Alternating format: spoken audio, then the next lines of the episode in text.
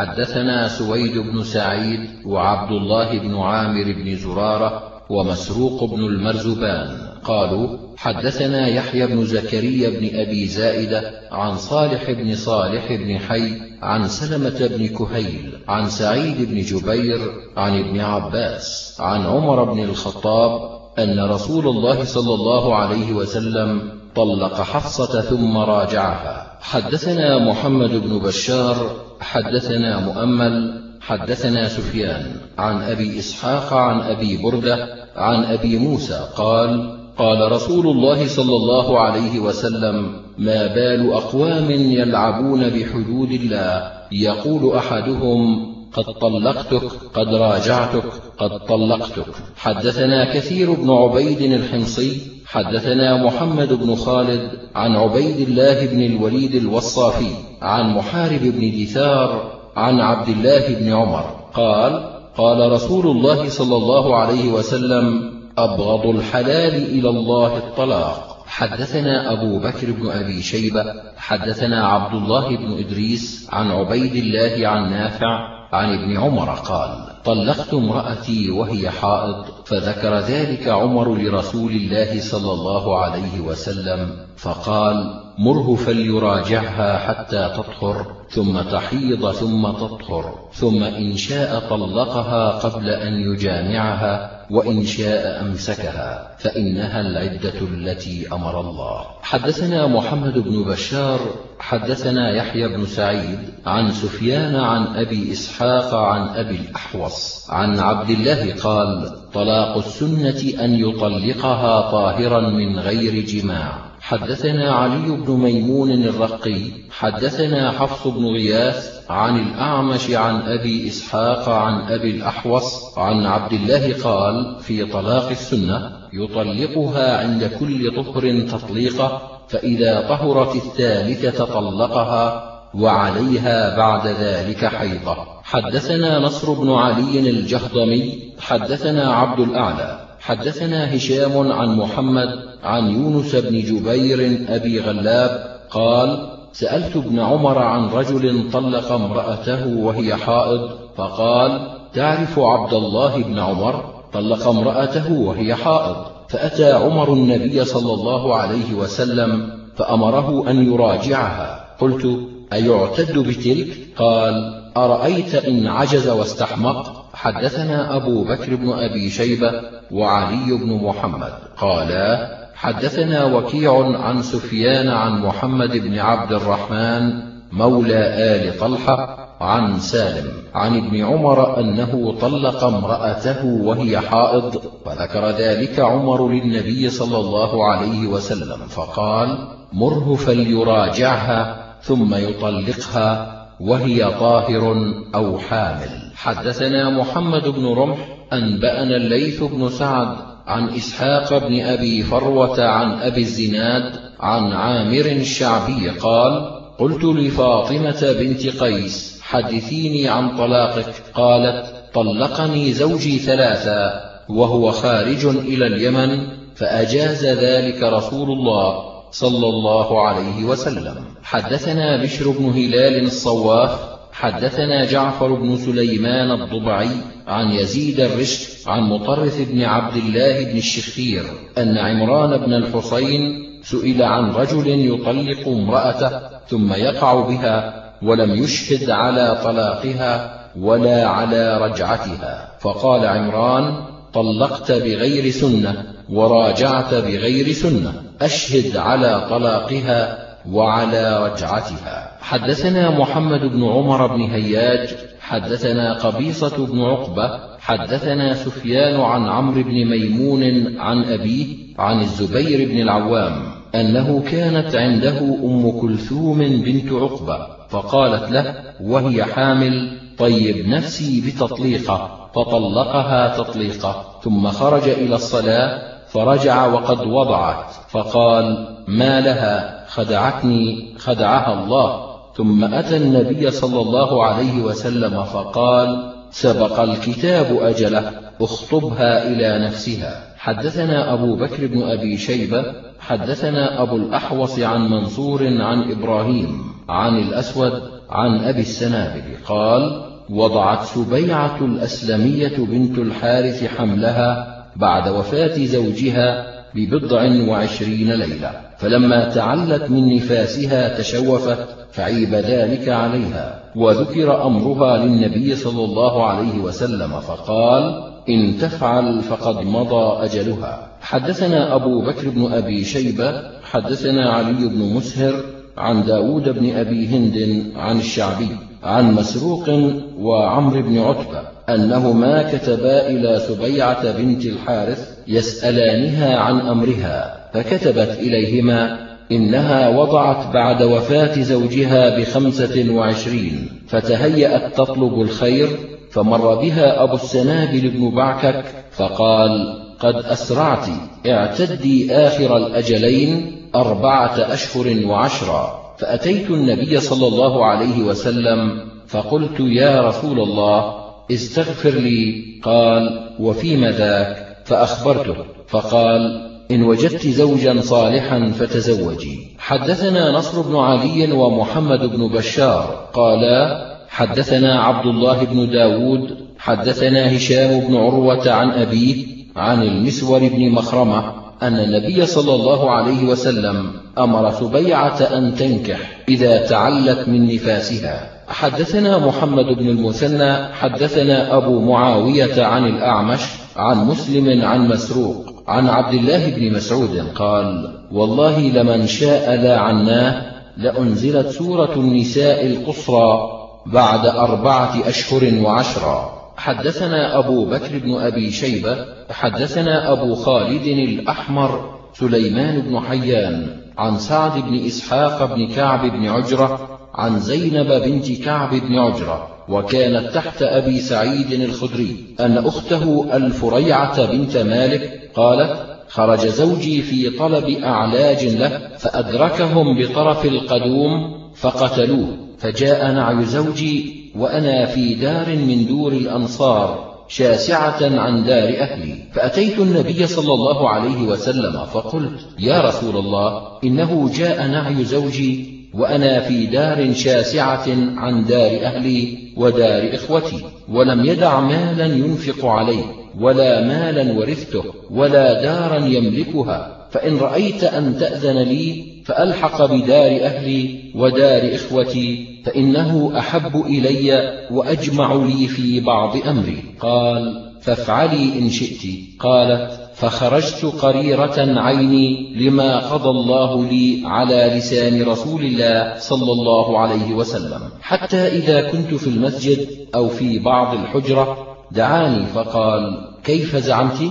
قالت فقصصت عليه. فقال امكثي في بيتك الذي جاء فيه نعي زوجك حتى يبلغ الكتاب أجله قالت فاعتددت فيه أربعة أشهر وعشرا. حدثنا محمد بن يحيى حدثنا عبد العزيز بن عبد الله حدثنا ابن أبي الزناد عن هشام بن عروة عن أبيه قال دخلت على مروان فقلت له امرأة من أهلك طلقت فمررت عليها وهي تنتقل. فقالت أمرتنا فاطمة بنت قيس وأخبرتنا أن رسول الله صلى الله عليه وسلم أمرها أن تنتقل. فقال مروان هي أمرتهم بذلك؟ قال عروة فقلت أما والله لقد عابت ذلك عائشة وقالت إن فاطمة كانت في مسكن وحش فخيف عليها فلذلك أرخص لها رسول الله صلى الله عليه وسلم. حدثنا أبو بكر بن أبي شيبة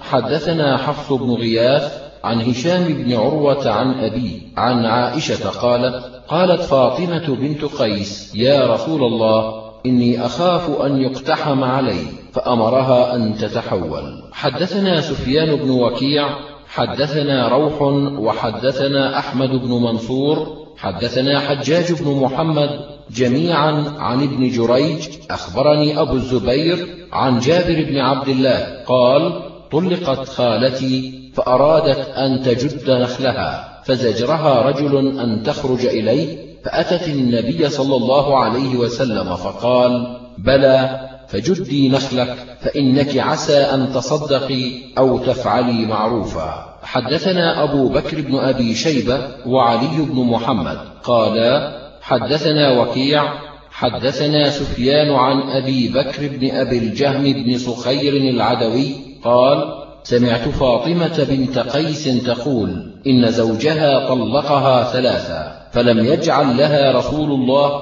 صلى الله عليه وسلم. سكنى ولا نفقة. حدثنا أبو بكر بن أبي شيبة حدثنا جرير عن مغيرة عن الشعبي قال قالت فاطمة بنت قيس طلقني زوجي على عهد رسول الله صلى الله عليه وسلم. فقال رسول الله صلى الله عليه وسلم لا سكنى ولا نفقة. حدثنا أحمد بن المقدام أبو الأشعث العجلي حدثنا عبيد بن القاسم حدثنا هشام بن عروة عن أبيه عن عائشة أن عمرة بنت الجون تعوذت من رسول الله صلى الله عليه وسلم حين أدخلت عليه فقال لقد عذت بمعاذ فطلقها وأمر أسامة أو أنسا فمتعها بثلاثة أثواب رازقية. حدثنا محمد بن يحيى حدثنا عمرو بن أبي سلمة أبو حفص التنيسي عن زهير عن ابن جريج عن عمرو بن شعيب عن أبيه عن جده عن النبي صلى الله عليه وسلم قال إذا ادعت المرأة طلاق زوجها فجاءت على ذلك بشاهد عدل استحلف زوجها فإن حلف بطلت شهادة الشاهد وإن نكل فنكوله بمنزلة شاهد آخر وجاز طلاقه. حدثنا هشام بن عمار حدثنا حاتم بن إسماعيل حدثنا عبد الرحمن بن حبيب بن أردك حدثنا عطاء بن أبي رباح عن يوسف بن ماهك عن أبي هريرة قال قال رسول الله صلى الله عليه وسلم ثلاث جدهن جد وهزلهن جد النكاح والطلاق والرجعة. حدثنا أبو بكر بن أبي شيبة حدثنا علي بن مسهر وعبدة بن سليمان وحدثنا حميد بن مسعدة حدثنا خالد بن الحارث جميعا عن سعيد بن أبي عروبة عن قتادة عن زرارة بن أوفى عن أبي هريرة قال قال رسول الله صلى الله عليه وسلم إن الله تجاوز لأمتي عما حدثت به أنفسها ما لم تعمل به أو تكلم به. حدثنا أبو بكر بن أبي شيبة حدثنا يزيد بن هارون وحدثنا محمد بن خالد بن خداش ومحمد بن يحيى. قالا حدثنا عبد الرحمن بن مهدي حدثنا حماد بن سلمة عن حماد عن إبراهيم عن الأسود عن عائشة أن رسول الله صلى الله عليه وسلم قال رفع القلم عن ثلاثة عن النائم حتى يستيقظ وعن الصغير حتى يكبر وعن المجنون حتى يعقل أو يفيق. قال أبو بكر في حديثه وعن المبتلى حتى يبرأ. حدثنا محمد بن بشار حدثنا روح بن عبادة حدثنا ابن جريج أنبأنا القاسم بن يزيد عن علي بن أبي طالب أن رسول الله صلى الله عليه وسلم قال يرفع القلم عن الصغير وعن المجنون وعن النائم. حدثنا إبراهيم بن محمد بن يوسف الفريابي حدثنا أيوب بن سويد حدثنا أبو بكر الهذلي عن شهر بن حوشب عن أبي ذر الغفاري قال قال رسول الله صلى الله عليه وسلم إن الله تجاوز عن أمتي الخطأ والنسيان وما استكرهوا عليه. حدثنا هشام بن عمار حدثنا سفيان بن عيينة عن مسعر عن قتادة عن زرارة بن أوفى عن أبي هريرة قال قال رسول الله صلى الله عليه وسلم إن الله تجاوز لأمتي عما توسوس به صدورها ما لم تعمل به أو تتكلم به وما استكرهوا عليه.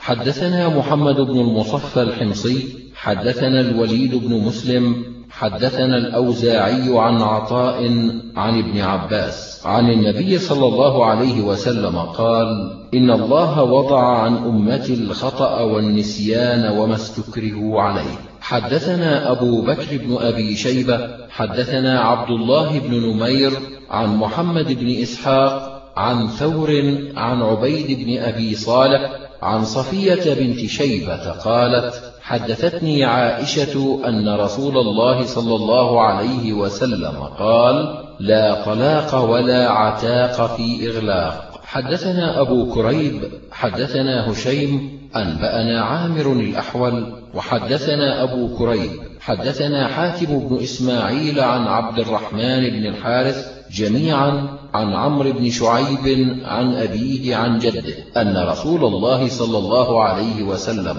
قال لا طلاق فيما لا يملك. حدثنا أحمد بن سعيد الدارمي حدثنا علي بن الحسين بن واقد حدثنا هشام بن سعد عن الزهري عن عروة عن المسور بن مخرمة عن النبي صلى الله عليه وسلم قال لا طلاق قبل نكاح ولا عتق قبل ملك. حدثنا محمد بن يحيى حدثنا عبد الرزاق أنبأنا معمر عن جويبر عن الضحاك عن النزال بن سبرة عن علي بن أبي طالب عن النبي صلى الله عليه وسلم قال لا طلاق قبل النكاح. حدثنا عبد الرحمن بن إبراهيم الدمشقي حدثنا الوليد بن مسلم حدثنا الأوزاعي. قال سألت الزهري أي أزواج النبي صلى الله عليه وسلم استعاذت منه؟ فقال أخبرني عروة عن عائشة أن ابنة الجون لما دخلت على رسول الله صلى الله عليه وسلم فدنا منها قالت أعوذ بالله منك. فقال رسول الله صلى الله عليه وسلم عذت بعظيم الحقي بأهلك حدثنا أبو بكر بن أبي شيبة وعلي بن محمد. قالا حدثنا وكيع عن جرير بن حازم عن الزبير بن سعيد عن عبد الله بن علي بن يزيد بن ركانة عن أبيه عن جده أنه طلق امرأته البتة فأتى رسول الله صلى الله عليه وسلم فسأله فقال ما أردت بها؟ قال واحدة. قال آه الله ما أردت بها إلا واحدة؟ قال آه الله ما أردت بها إلا واحدة. قال فردها عليه. قال محمد بن ماجه سمعت أبا الحسن علي بن محمد الطنافسي يقول ما أشرف هذا الحديث؟ قال ابن ماجه أبو عبيد تركه ناجية وأحمد جب عنه. حدثنا أبو بكر بن أبي شيبة حدثنا أبو معاوية عن الأعمش عن مسلم عن مسروق عن عائشة قالت خيرنا رسول الله صلى الله عليه وسلم فاخترناه فلم نره شيئا.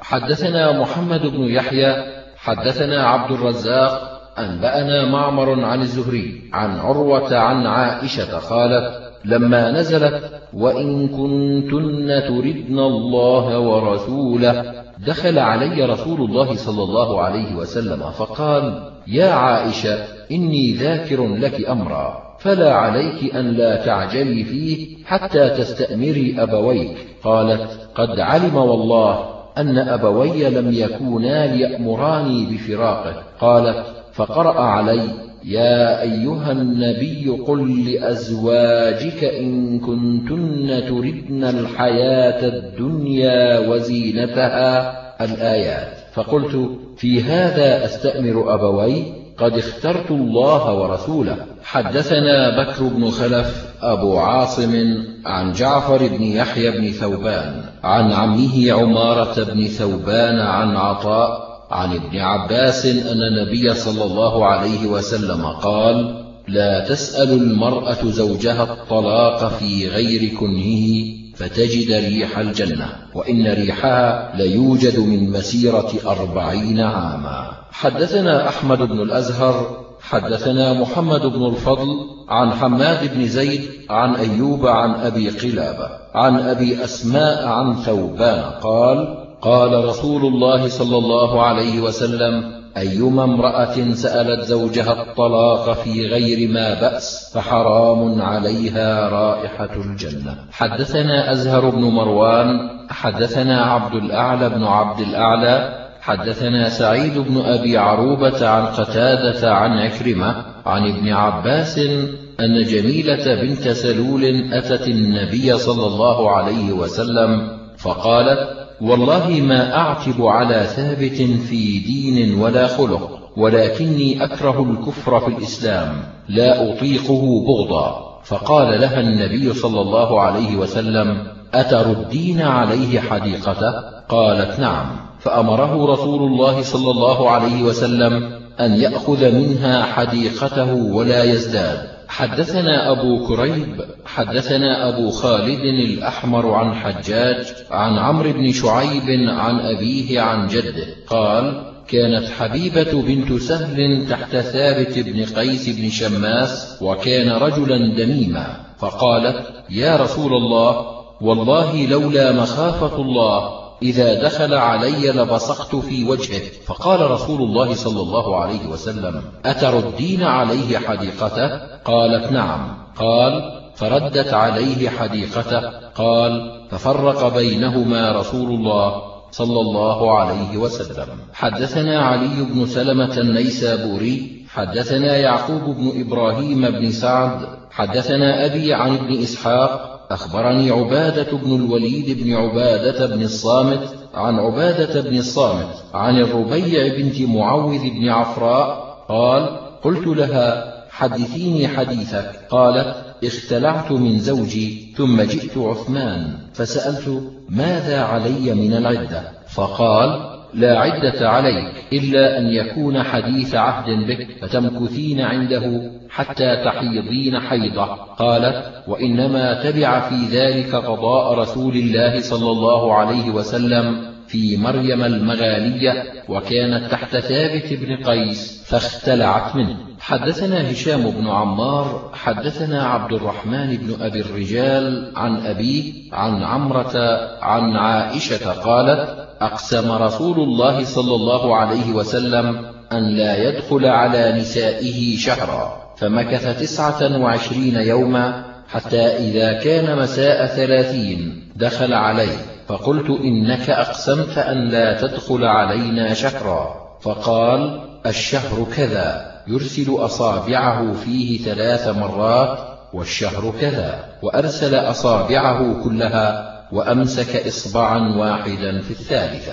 حدثنا سويد بن سعيد حدثنا يحيى بن زكريا بن أبي زائدة عن حارثة بن محمد عن عمرة عن عائشة أن رسول الله صلى الله عليه وسلم إنما آل لأن زينب ردت عليه هديته فقالت عائشة لقد أقمأتك. فغضب صلى الله عليه وسلم فآلى منهن. حدثنا أحمد بن يوسف السلمي حدثنا أبو عاصم عن ابن جريج عن يحيى بن عبد الله بن محمد بن صيفي عن عكرمة بن عبد الرحمن عن أم سلمة أن رسول الله صلى الله عليه وسلم آلى من بعض نسائه شهرا. فلما كان تسعة وعشرين راح أو غدا فقيل يا رسول الله إنما مضى تسع وعشرون. فقال الشهر تسع وعشرون. حدثنا أبو بكر بن أبي شيبة حدثنا عبد الله بن نمير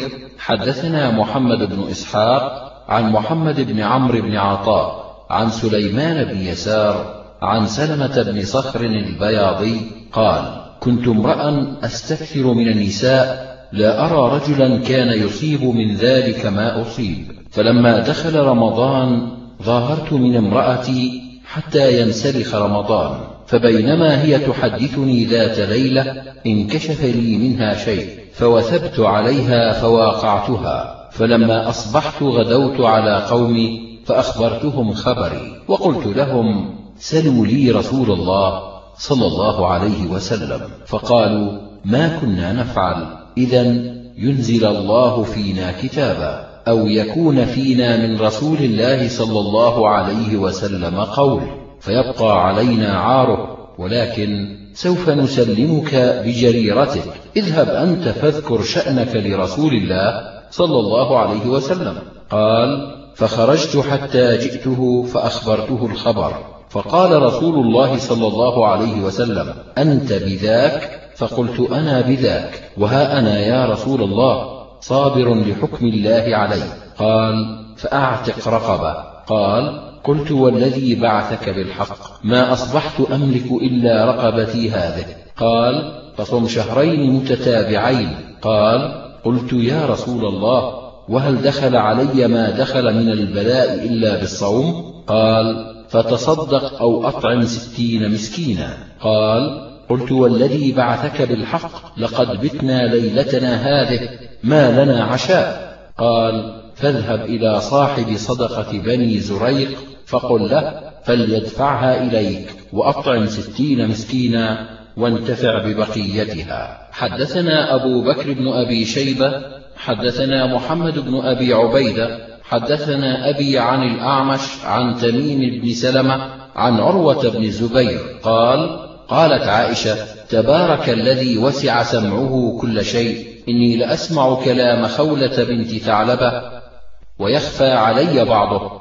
وهي تشتكي زوجها إلى رسول الله صلى الله عليه وسلم وهي تقول يا رسول الله أكل شبابي؟ ونثرت له بطني حتى إذا كبرت سني وانقطع ولدي ظاهر مني. اللهم إني أشكو إليك. فما برحت حتى نزل جبرائيل بهؤلاء الآيات. قد سمع الله قول التي تجادلك في زوجها وتشتكي إلى الله. حدثنا عبد الله بن سعيد حدثنا عبد الله بن إدريس عن محمد بن إسحاق عن محمد بن عمرو بن عطاء عن سليمان بن يسار عن سلمة بن صخر البياضي عن النبي صلى الله عليه وسلم في المظاهر يواقع قبل أن يكفر. قال كفارة واحدة. حدثنا العباس بن يزيد قال حدثنا غندر حدثنا معمر عن الحكم بن أبان عن عكرمة.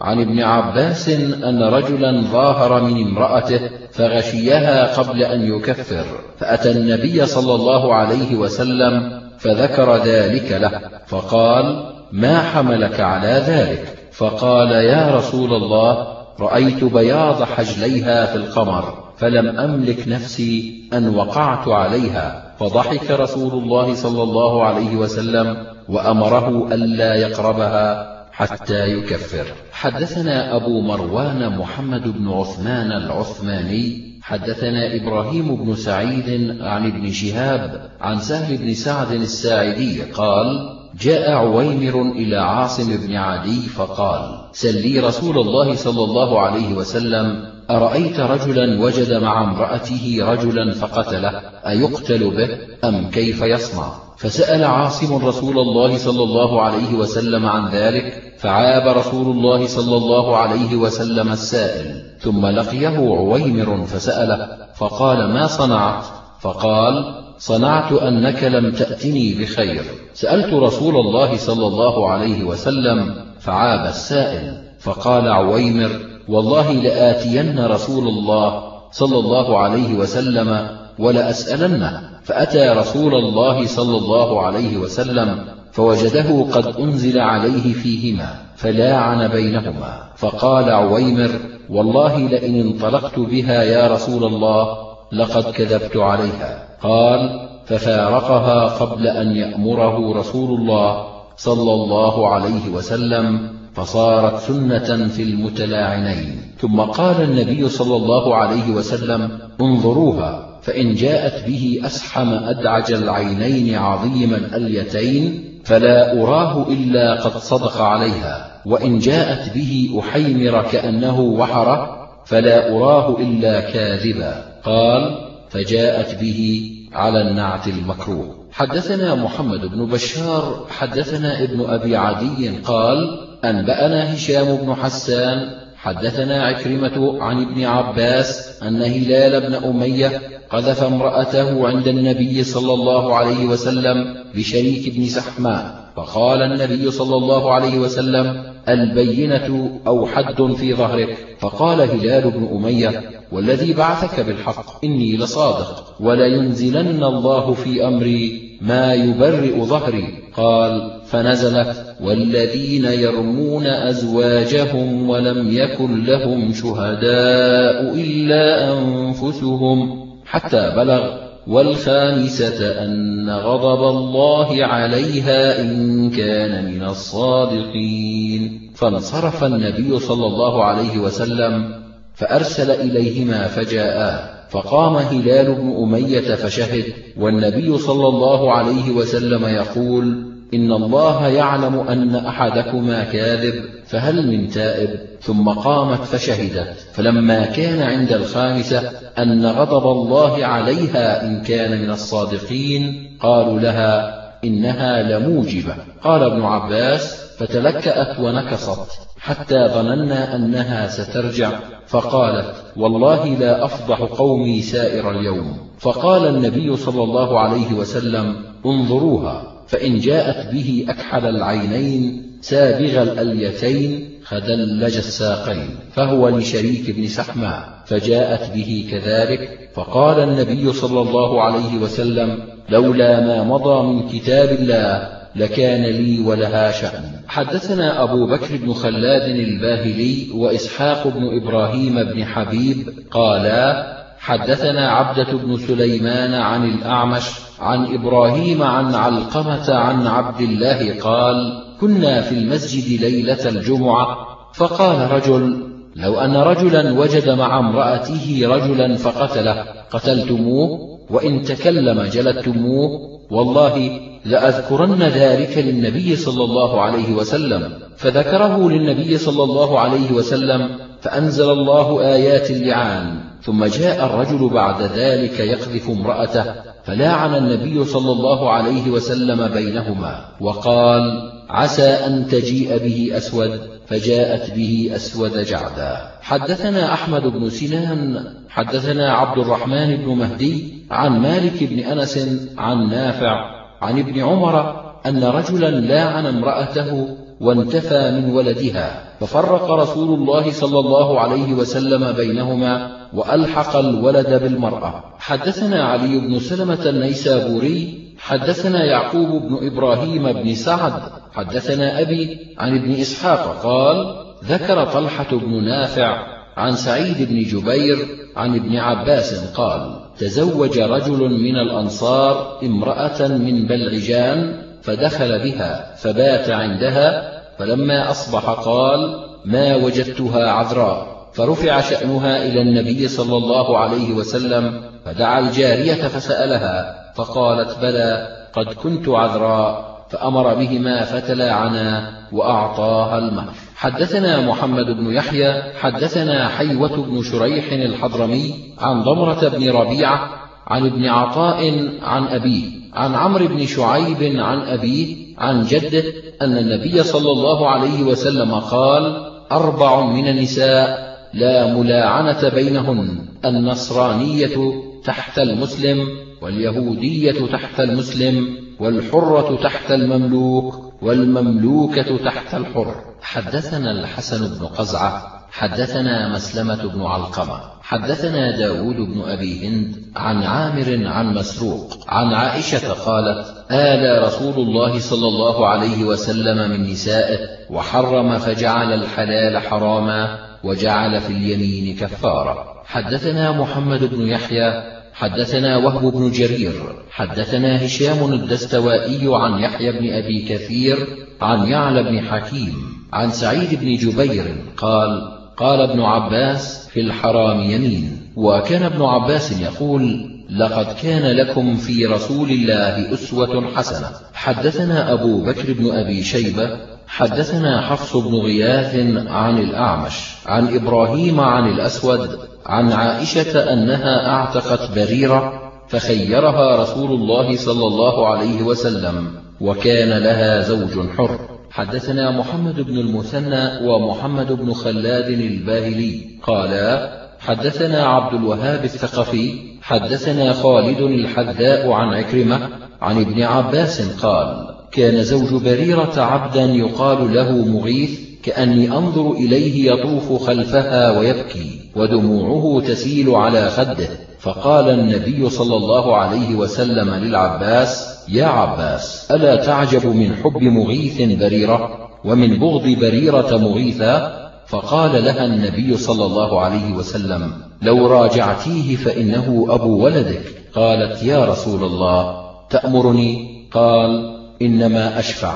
قالت لا حاجة لي فيه. حدثنا علي بن محمد حدثنا وكيع عن أسامة بن زيد عن القاسم بن محمد عن عائشة قالت مضى في بريرة ثلاث سنن خيرت حين أعتقت وكان زوجها مملوكا وكانوا يتصدقون عليها فتهدي إلى النبي صلى الله عليه وسلم فيقول هو عليها صدقة وهو لنا هدية وقال الولاء لمن أعتق. حدثنا علي بن محمد حدثنا وكيع عن سفيان عن منصور عن إبراهيم عن الأسود عن عائشة قالت أمرت بريرة أن تعتد بثلاث حيض.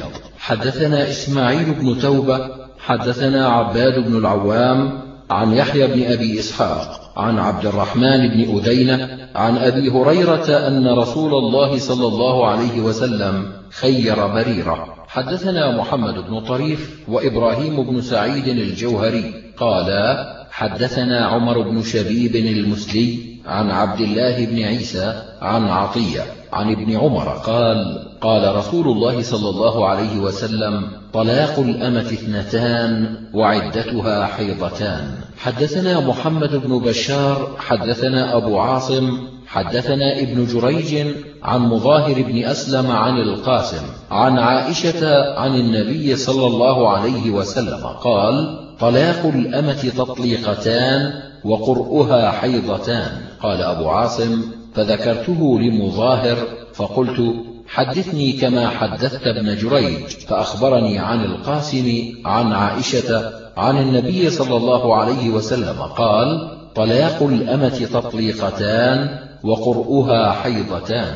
حدثنا محمد بن يحيى حدثنا يحيى بن عبد الله بن بكير حدثنا ابن لهيعة عن موسى بن أيوب الغافقي عن عكرمة. عن ابن عباس قال أتى النبي صلى الله عليه وسلم رجل فقال يا رسول الله إن سيدي زوجني أمته وهو يريد أن يفرق بيني وبينها. قال فصعد رسول الله صلى الله عليه وسلم المنبر فقال يا أيها الناس ما بال أحدكم يزوج عبده أمته ثم يريد أن يفرق بينهما. إنما الطلاق لمن أخذ بالساق. حدثنا محمد بن عبد الملك بن زنجويه أبو بكر حدثنا عبد الرزاق حدثنا معمر عن يحيى بن أبي كثير عن عمر بن معتب عن أبي الحسن مولى بني نوفل قال سئل ابن عباس عن عبد طلق امرأته تطليقتين ثم اعتقا يتزوجها؟ قال نعم. فقيل له عمن؟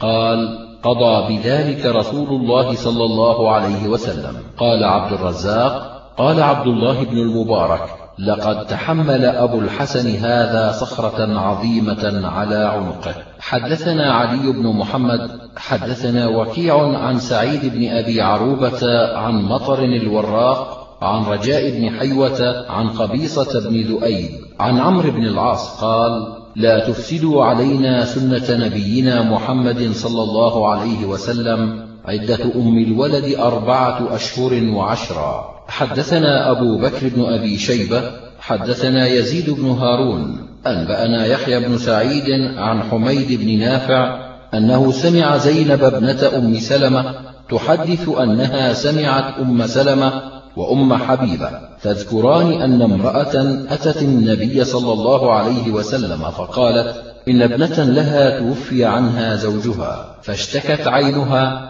فهي تريد أن تكحلها. فقال رسول الله صلى الله عليه وسلم قد كانت إحداكن ترمي بالبعرة عند رأس الحول وإنما هي أربعة أشهر وعشرا حدثنا أبو بكر بن أبي شيبة حدثنا سفيان بن عيينة عن الزهري عن عروة عن عائشة عن النبي صلى الله عليه وسلم قال لا يحل لامرأة أن تحد على ميت فوق ثلاث إلا على زوج. حدثنا هناد بن السري حدثنا أبو الأحوص عن يحيى بن سعيد عن نافع عن صفية بنت أبي عبيد عن حفصة زوج النبي صلى الله عليه وسلم قالت قال رسول الله صلى الله عليه وسلم لا يحل لامرأة تؤمن بالله واليوم الآخر أن تحد على ميت فوق ثلاث إلا على زوج. حدثنا أبو بكر بن أبي شيبة حدثنا عبد الله بن نمير